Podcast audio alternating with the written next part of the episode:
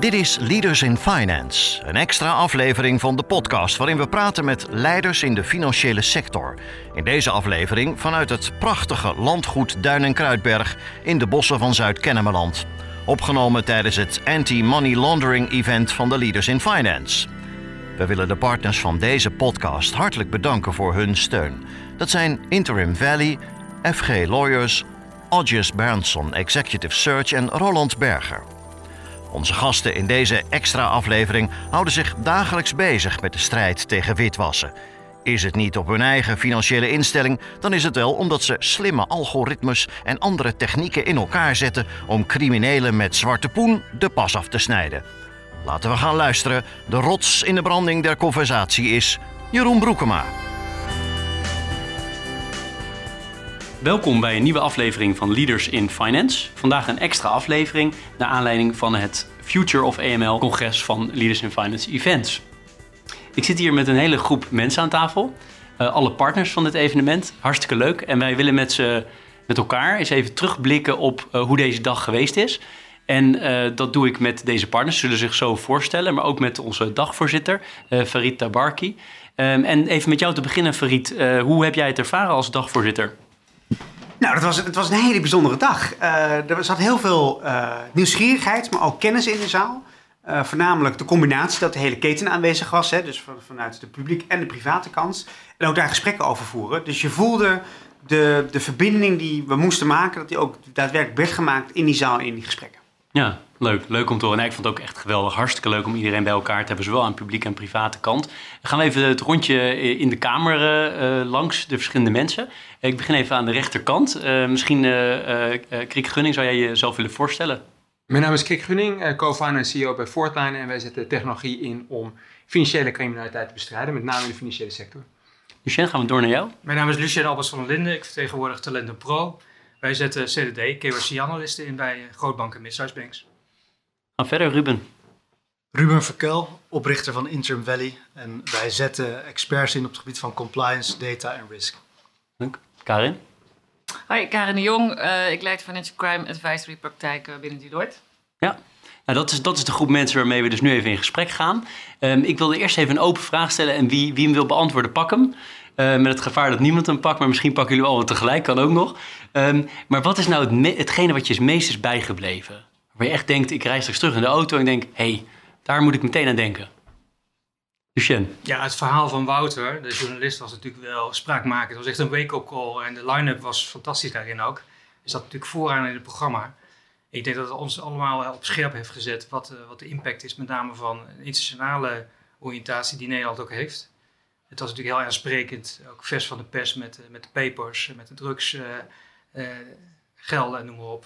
Um, dat heeft me echt wel um, wakker gemaakt. Aan de andere kant ook wel dat er heel veel te doen is. De aanmoediging, dat op effectiviteit met name, dat we daar nog heel veel slagen kunnen maken. Ja, ja. Andere? Um, als ik het kijk vanuit een internationaal perspectief, denk ik, wat hebben we het eigenlijk in Nederland toch goed voor elkaar? Want het feit dat je hier alle partijen samenbrengt en dat dat gebeurt zonder dat er verwijten gemaakt worden. En dat uiteindelijk hier iedereen vanuit zijn eigen rol met de juiste intenties zit. Ik denk dat wij opereren in heel Europa en ik kan uh, echt hardgrondig bevestigen dat dat niet in elk land zo is. Dat uh, weet je uit ervaring? Ja. ja, ja.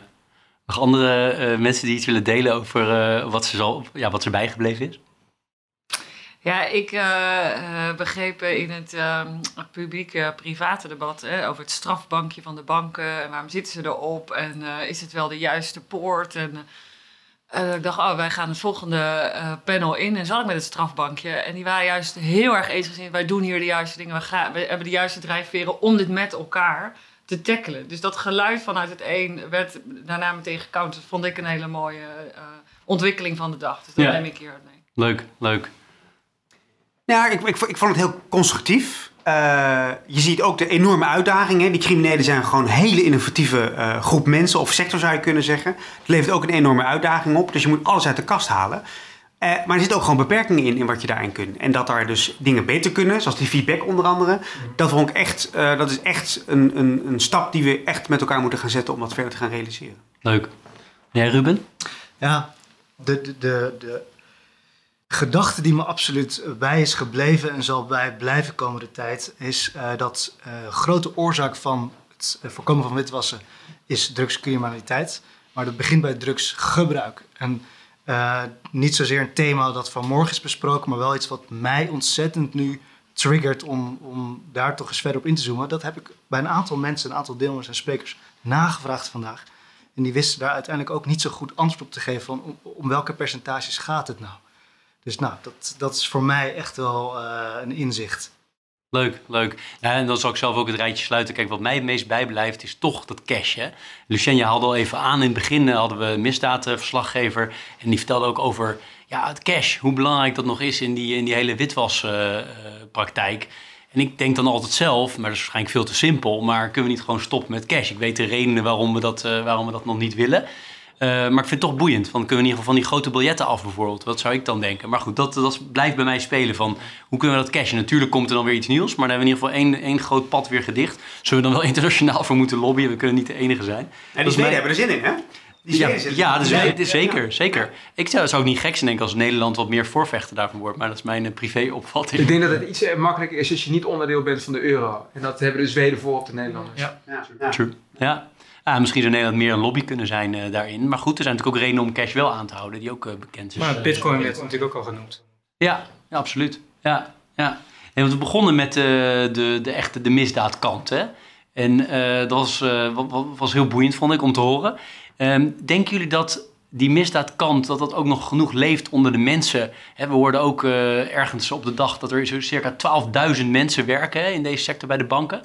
Uh, denk je dat het er genoeg duidelijk is dat we daar allemaal voor doen om die misdaad aan te pakken? Ik denk het niet. Ik denk dat als je in algemene zin kijkt, er gewezen wordt naar banken. En als je het de gemiddelde Nederlander vraagt, ze zullen zeggen dat banken onvoldoende doen om witwassen tegen te gaan. En als we even aanhaken op het punt van Ruben, als je uiteindelijk moet constateren dat uh, witwassen een maatschappelijk probleem is, zonder zwart geld geen witwassen, dan kun je wel afvragen hoe diezelfde kritische gemiddelde Nederlandse burger bereid is om meer belasting te betalen om het budget van de politie omhoog te krijgen, wat al vijf jaar gelijk is.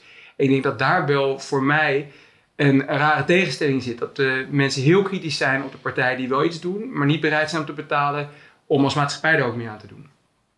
En doelde jij vooral met die 12.000 man die dat werk nu uitvoeren, of die nog bezig zijn met de misdaadsgedachte? Ja, of die, of die, door, zeg maar, die weten het wel, maar in hoeverre ze ook echt nou, bewust zijn van de dagelijkse praktijk, van waarvoor ze het doen? En nou, ik denk uh, uh, op die operationele vloer is het toch vooral uh, de casuïstiek wegwerken. En waar de echte spannende cases zitten, zitten toch de speciale teams die de complexiteit doen. Daar wel, maar er is natuurlijk ook een heel groot gedeelte van dit leger aan mensen uh, technische compliance uit te voeren. Dus gewoon te zorgen, we hebben dit klantdossiertje, we moeten langs deze dingen, we zetten het zo netjes in de kast. En met een heel groot gedeelte van die klantcasuïstiek is niet heel veel aan de hand, maar je hebt in ieder geval je technische compliance voldaan. Dus nee, ik denk niet dat die 12.000 man bezig is met uh, de echte criminaliteit. En dat, daar zit denk ik uh, de doorbraakvraag. En daar ja. moeten we doorheen. Ja, ik denk wat ja. misschien wel interessant is om te vertellen. Wij zijn een, een techbedrijf en de markt voor met name developers is ongelooflijk competitief op het moment.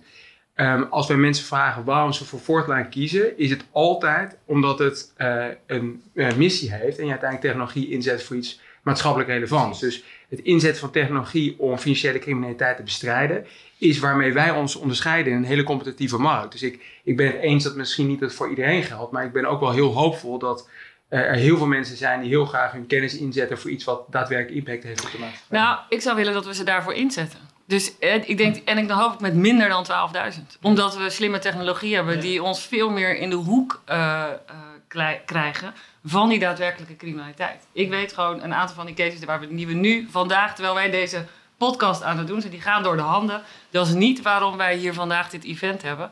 Dat is niet waarom wij, uh, waar wij echt naar op zoek zijn met die 12.000 man. Dus zo, zo bedoel ik, het ligt niet eens aan hun eigen missie of drijfveer. Ik denk dat ze er precies wel voor zouden willen zitten.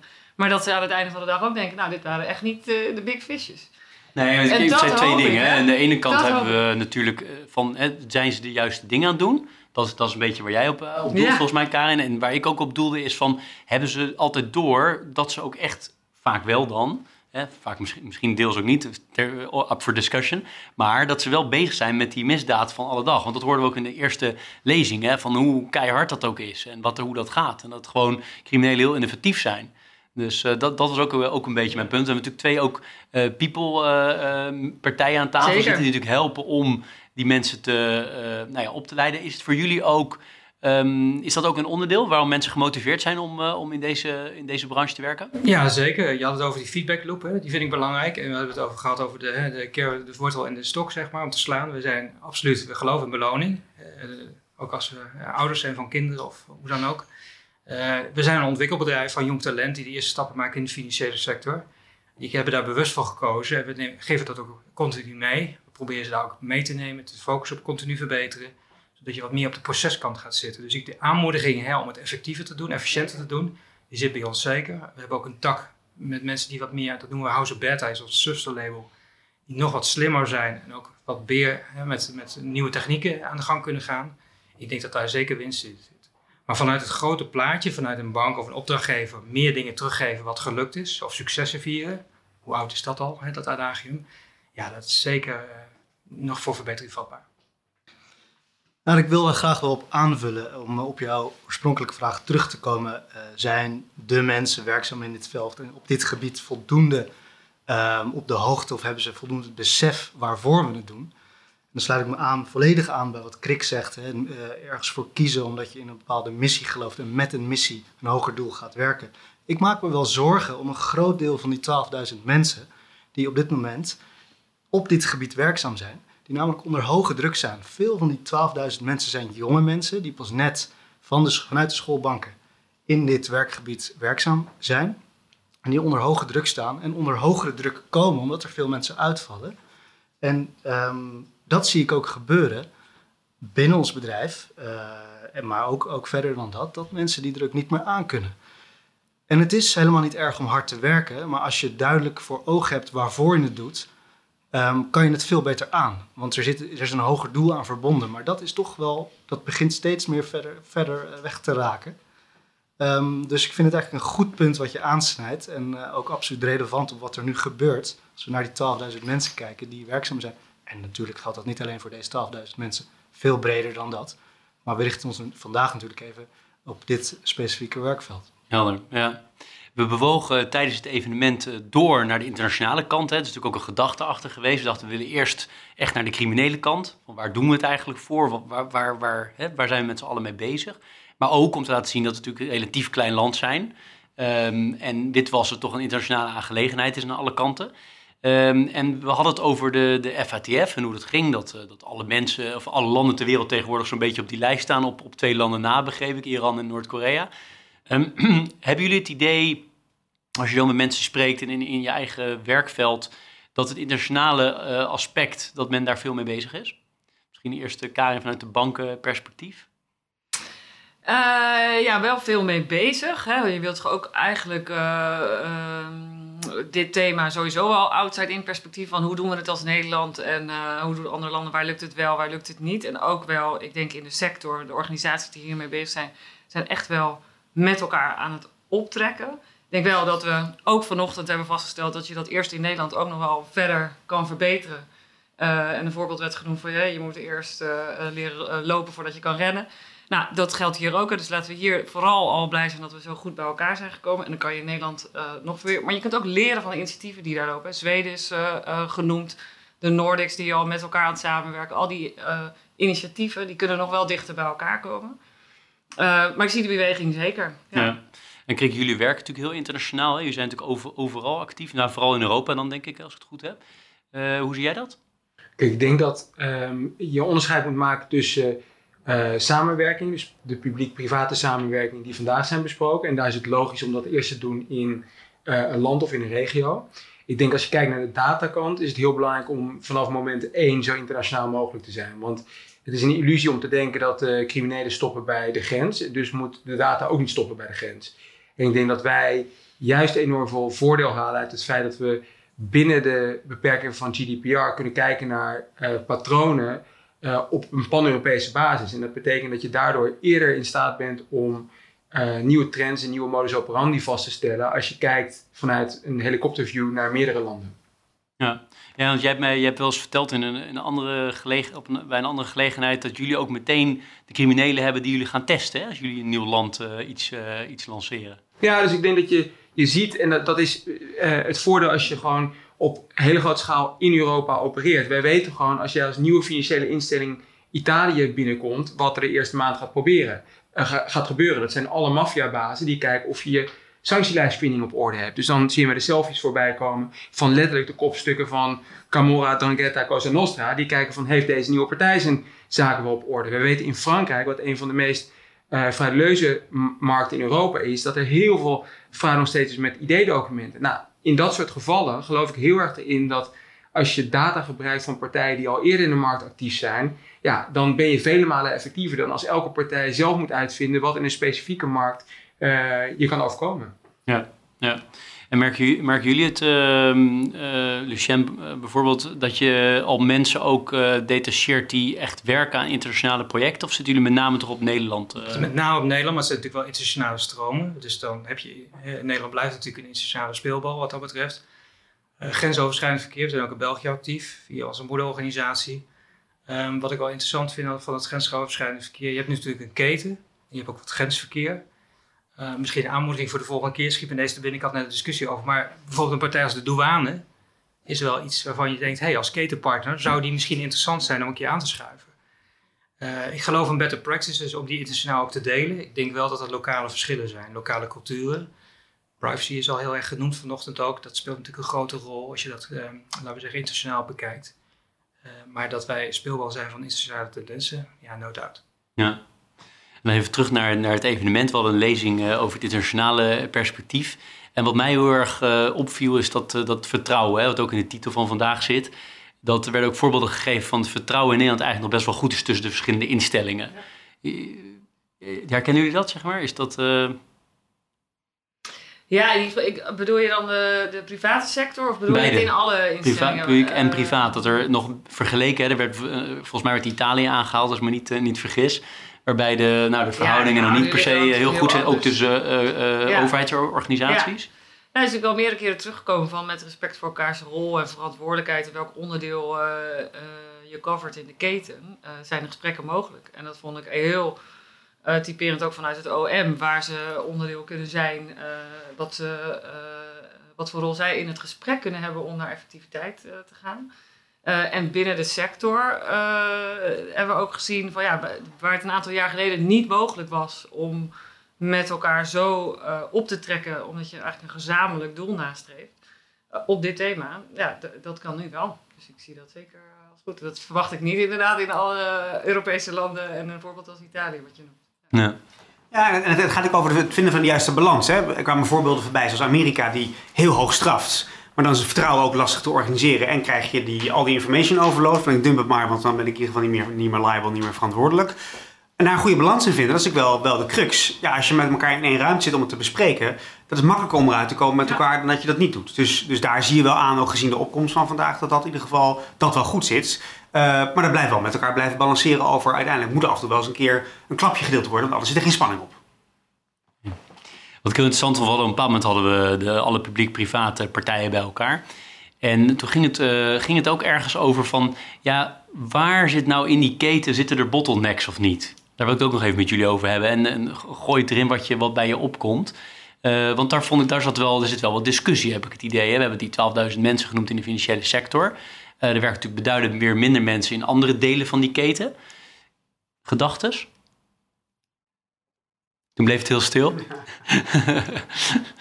ja, kijk, volgens mij is, is het punt, maar dat hebben meerdere mensen hier aan tafel gemaakt, is vandaag ook gemaakt. We zitten naar een heel klein deel van de puzzel te kijken. En dat werd duidelijk uit uh, het eerste gesprek als het gaat over, over cash en over hoe misdaad loont. En het gaat ook over um, hoeveel geld uh, stel je als maatschappij ter beschikbaar in die keten. En ik denk dat uh, het werd niet zo hard gezegd, maar ik snap wel als banken het gevoel hebben dat zij de afgelopen jaren degene zijn die het meeste geld en het meeste energie hebben geïnvesteerd in het versterken van hun positie. En dan op een gegeven moment ook vragen te gaan kijken naar wat de overheid gaat doen in andere delen van die keten. En ik moet zeggen, ik snap dat heel goed. Wat niet betekent dat banken geen rol hebben, maar het is zeker niet de enige partij die een rol heeft in die keten. Andere gedachten? Wat ik enorm interessant vond was de discussie over de poortwachter en richten ons op de juiste poort. Um, en dat er ook um, enorm veel goede manieren zijn om buiten de banken om um, geld wit te wassen. En ik werd vandaag voor het eerst uh, gewezen op het, uh, ik dacht, ik verstond het Walhalla-systeem, maar het blijkt het Halwalla-systeem te zijn. Ehm, en om terug te komen op vertrouwen, dat systeem is dus volledig gebaseerd op vertrouwen. Ehm, ik heb net even kort uitgelegd gekregen hoe dat in elkaar zit. Want het is dus een heel onbekend systeem. Je moet precies weten bij wie je waar moet zijn. En met een telefoontje en een specifieke code kan je geld van locatie A naar een internationale locatie B verkrijgen. Ehm, en nou, dat is, uh, dat is dus ook weer uh, het tegengeluid dat op basis van vertrouwen er een systeem al jarenlang, misschien al decennia lang, bestaat waarschijnlijk decennia lang, want ik hoorde ook al dat het na 9-11 uh, nou, naar boven kwam. Um, dat op, op die manier dus uh, het, ons systeem ondermijnd wordt om uiteindelijk deze uh, criminele gelden wit te wassen. Dus, um, nou ja, sterker nog, het, vaak wordt het gezien als meer zwart-zwart. Het wordt überhaupt niet meer wit. Het blijft gewoon tussen die bankieren. Het overigens zo oud als, bankier. Het is eigenlijk gewoon bankieren, maar dan heel, heel, heel oud bankieren. maar nee, eens, dat, dat vond ik ook heel boeiend. Ja, absoluut. Ja, wat ik interessant vond is dat het is... Het, het, het interessante van de vraag, het is en en en. dus, dus we hebben het gehad over de preventiekant. He, hoe zorg je ervoor dat überhaupt mensen niet crimineel worden? En hoe zet je technologie in om het effectiever te maken? En tegelijkertijd, wat zijn nou de juiste poorten om dicht te maken? En we kwamen ook tot de conclusie, of dat hoorde in ieder geval met de sprekers... de poort zit best dicht aan de bakkant. Dat is eigenlijk best succesvol. Dat klinkt misschien niet sexy, maar het is wel zo. Uh, en de vraag is dan, hoe effectief ben je dan nog in je volgende doelstelling? En wat is dan je juiste doelstelling? En wil je hem dan verplaatsen? En wat, wat vraagt het verplaatsen dan van de banken, maar ook van andere publieke instellingen? Ja, dat vraagt ik echt vooral om netwerk. Hè? Omdat we, wat jij net schetst over hoe die criminelen werken, die, zullen altijd sneller, innovatiever, die hebben geen restricties, die hebben niet de, uh, data privacy regelgeving, die komen anoniem bij elkaar. Agile werken hebben zij uh, ontdekt. Uh, kartels in Colombia, die werkten 30 jaar geleden al agile, even bij elkaar komen voor een transactie en weer weg. En wij gingen dat in het bedrijfsleven 30 jaar later heel innovatief zien. Dus we moeten ook met elkaar vaststellen dat zij zoveel vrijheden hebben. En dat, dus waar we het eerder ook vandaag over innovation leads, regulation follows. We moeten alleen sneller followen en sneller uh, erachterop zitten. Uh, en dat vraagt dus netwerk. Dus waar de banken denk ik nu een poort dicht zetten, vond ik ook heel boeiend. Uh, dat dan de vraag kwam, zit er dan het juiste poortje dicht? Ik denk, draai me eens om. Als het poortje niet dicht zat, ging het er sowieso doorheen. Dus dat die dicht zit, ja.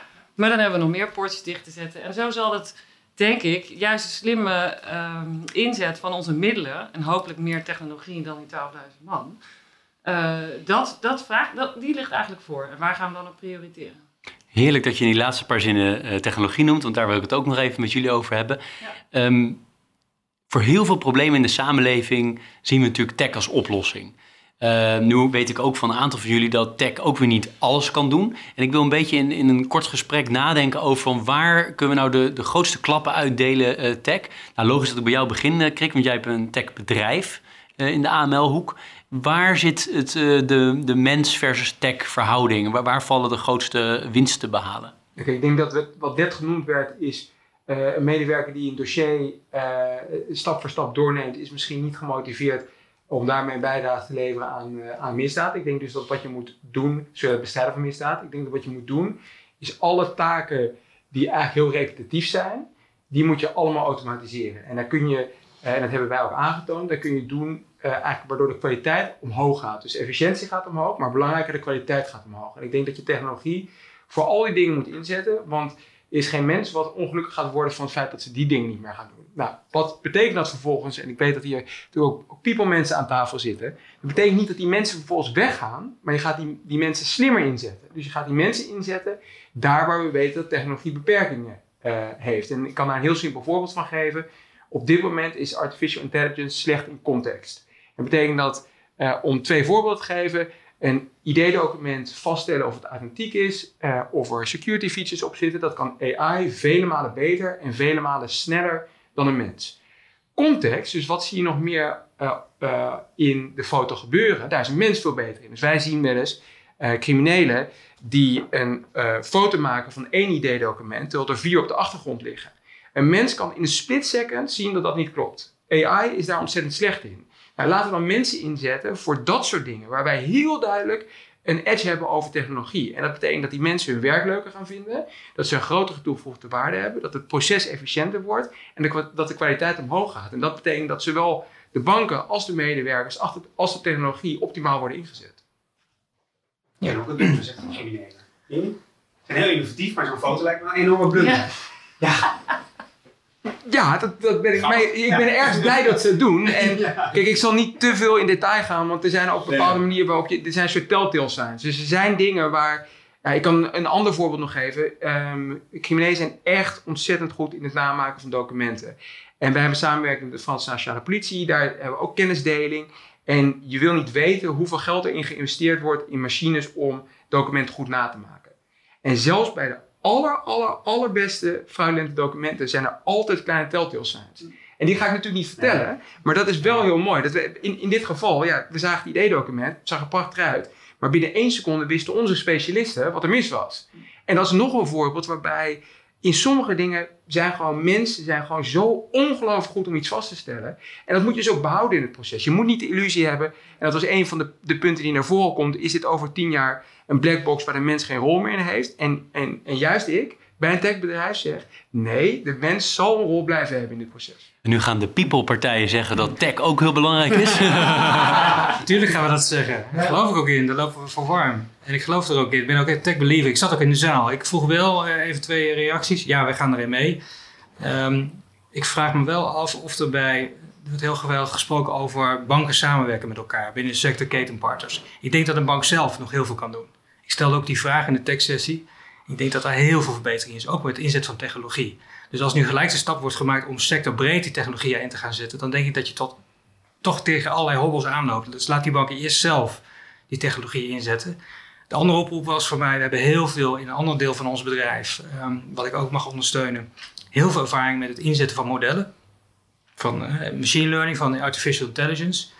Ook daar vinden mensen het heel lastig, met name in de bestuurstop, van hé, hey, waar sturen we dan op? Waar nemen we de beslissingen op? Daar is ook al heel veel regelgeving rond AI, ML. Ja, laten we in ieder geval daarvan leren, van dat soort compliance-achtige omgevingen ook, zodat je dat kunt toepassen binnen KYC, CDD, als je met technologie aan de gang gaat. Want anders heb je weer een aantal hordes en dan word je weer achter, ja, achteruit geworpen. Ik vind het heel terecht punt, maar even voor alle duidelijkheid. Wat wij gedaan hebben met eh, AI is gewoon eerst de mens, dan modellen bouwen, modellen trainen en dan in parallel laten runnen. Dus eigenlijk gewoon een soort hele lange AB-test. En alleen als een AI-model objectief echt beter is dan de mens, dus de kwaliteit moet niet gelijk blijven, moet omhoog gaan, dan automatise- automatiseren wij een check. En dat betekent dat vanuit ons perspectief iedereen mag any day of the week ons komen controleren, omdat we zelf echt heel goed ons huiswerk hebben gedaan. En en Ruben, hoe kijk jij naar tech en, en people? Vind ik wel toch wel even een spannende vraag. Ook aan jou. Nee, ja, ik- sluit me volledig aan natuurlijk eh, het verhaal van Krik hiervoor. Maar ik heb ook een vraag eh, via jou aan Krik Jeroen. Eh, want je had het in de tech breakout sessie over de mask. De ma- mask. eh, Ja. ehm, kan je dat nog eens to- toelichten? Wat, wat is dat? Wat, wat hebben jullie gezien? Nou, kijk, wat wij doen, en ik zal heel even uitleggen voor de mensen die natuurlijk niet bij die sessie zijn geweest waar dit op sloeg. Ehm, ik heb aangegeven dat we de mens inzetten op eigenlijk een, een drietal dingen. Dus één is eh, om naar cases te kijken waar het model het niet zeker weet. Nou, dat is ook gewoon een deel van de cases. Het is niet, het is niet zwart-wit, ja, nee. Er zit ook een gebied waar een algoritme het niet weet. Het tweede wat we doen is QA. Dus we hebben gewoon mensen die kijken, werken onze automatische check? Dus eigenlijk een controle op, eh, op de autom- automatische checks. Maar ook, en het haakt in op wat er net gezegd werd, criminelen zijn inventief. Wat zien we nu voor nieuwe trends? Het is heel belangrijk dat je dus niet blind vertrouwt op algoritme en er nooit meer naar kijkt. Je moet kijken, wat, wat zien we nu voor nieuwe dingen? Nou, en omdat we op pan-Europese basis opereren, kun je kijken naar individuele casussen. Maar je kunt ook kijken, zie je nu bepaalde trends? En tijdens de pandemie hebben we eigenlijk twee dingen gezien. Ehm, zowel het gebruik van deepfakes als het gebruik van hyperrealistische siliconenmaskers. Moet je denken aan Mission Impossible. En dat zijn echt, ik kan, kan de plaatjes laten zien, extreem hoogwaardige maskers. Kosten ongeveer 1500 dollar, kun je gewoon online bestellen. En die worden gebruikt door mensen die proberen een rekening te openen zonder hun eigen identiteit eh, te onthullen. En het interessante daarvan was dat wij geïsoleerde gevallen zagen, echt in totaal verschillende Europese landen, rond dezelfde tijd, waarbij dat begon op te komen.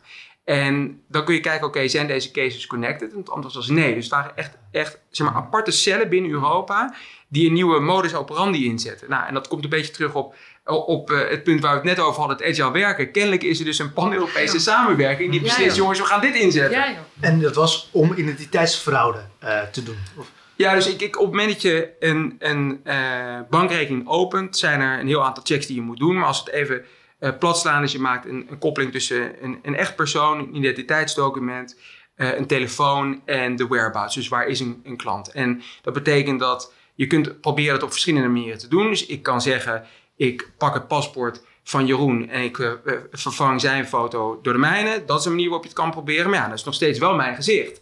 En als ik nou een crimineel ben die liever niet uh, al bekend wil staan, dan kan je natuurlijk ook iets anders proberen. En dat is, kan je met een hyperrealistisch masker doen. Waarbij je dus zowel een identiteitsdocument ziet, waarbij de pasfoto genomen is met dat masker, als iemand die een selfie maakt met dat masker. Dank voor het mini-college. naar aanleiding van de goede vraag van, van Ruben. Hartstikke leuk. Um, ik ga richting de afronding. Wie, heeft er iets wat hij wil delen van die zegt... Uh, dat, vond ik, uh, dat vond ik even luchtig leuk om, om nog hier op de podcast te zeggen? Nou, wat ik mooi vond is dat er werd verteld hoe crimineel geld ook weggesluit wordt naar het buitenland. Dan ook veel wordt geïnvesteerd in vastgoed. En ik heb een nieuwe bijnaam daarvoor geleerd, namelijk het betonnen spaarvarkentje. En dat vond ik wel een hele mooie. Ja, die is wel, dat was wel heel geestig. Die is me ook bijgebleven. Inderdaad. Nog iemand anders? Ja, wat ik, wat ik geestig en fascinerend vond, is, is de veelkoppigheid van het monster. Dat je aan de ene kant hebt het over crypto's en blockchain. En tegelijkertijd over een oeroud bankiersysteem. Namelijk, je gaat naar een kantoortje in Brussel en dan in Karachi hetzelfde geld ophalen als je maar een deel van een bankbiljetje hebt. Ja, dus, dus, dus het is zo'n enorm schaakspel wat je aan het spelen bent. Maar daarmee volgens ook maar, maar wel, nou ja, interessant om te doen. Kan me ja, absoluut. Ja, ik uh, uh, wil eigenlijk wel reflecteren op... wij waren hier dan vanochtend allemaal bij elkaar met Leaders in Finance. Ik ben zo benieuwd wat de criminelen op donderdagochtend 7 oktober aan het doen waren. Um, en ik kom daarop omdat wij een keer een Global Financial Crime conferentie hadden. En er was een collega van mij uit Manila en die vertelde... dat ik keer ergens op straat in een praatje was beland... En die zei, nou, wat doe jij, wat doe jij? En dan was het, uh, ja, ik zit in de anti-witwas uh, bij. En de ander zei, oh, ik ben juist uh, witwasser.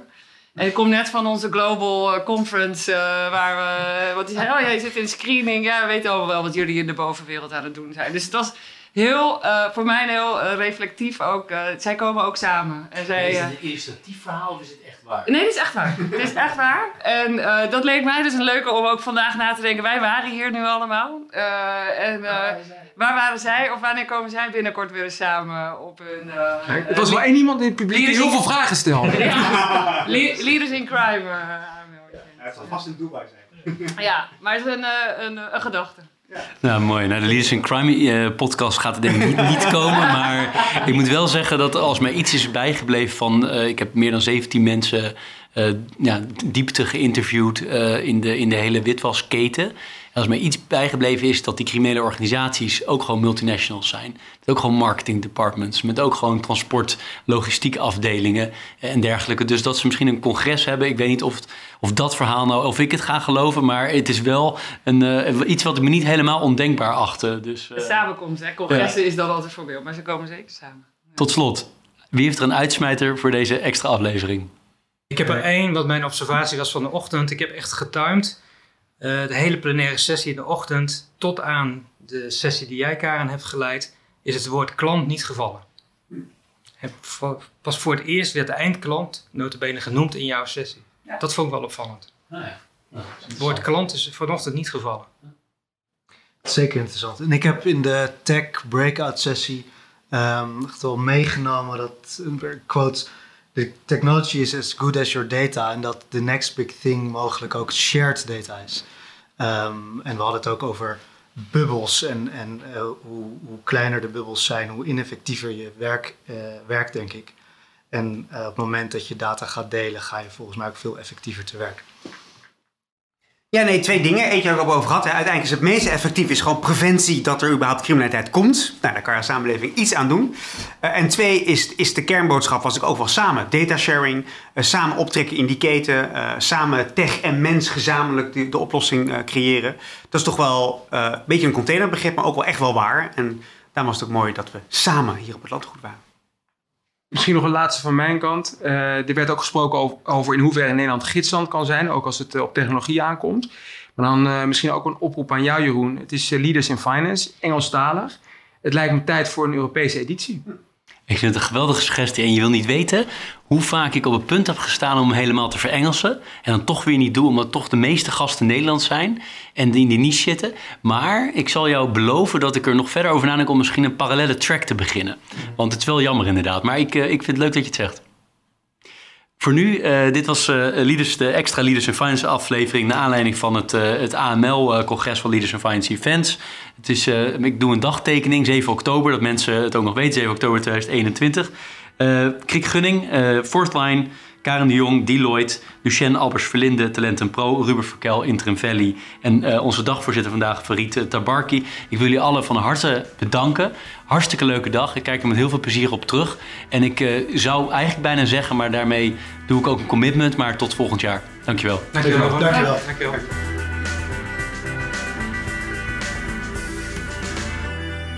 Dit was Leaders in Finance. We hopen dat je deze aflevering met veel plezier hebt beluisterd. We stellen je feedback erg op prijs. Wat houdt je bezig en over wie wil je meer horen? Laat het weten via een Apple of Google review. Dat kan ook via de sociale media kanalen of direct via een e-mail. We kunnen het enorm waarderen als je dat doet. Tot slot danken we onze partners voor hun steun. Dat zijn Interim Valley, FG Lawyers, Odgers Berndsen Executive Search en Roland Berger.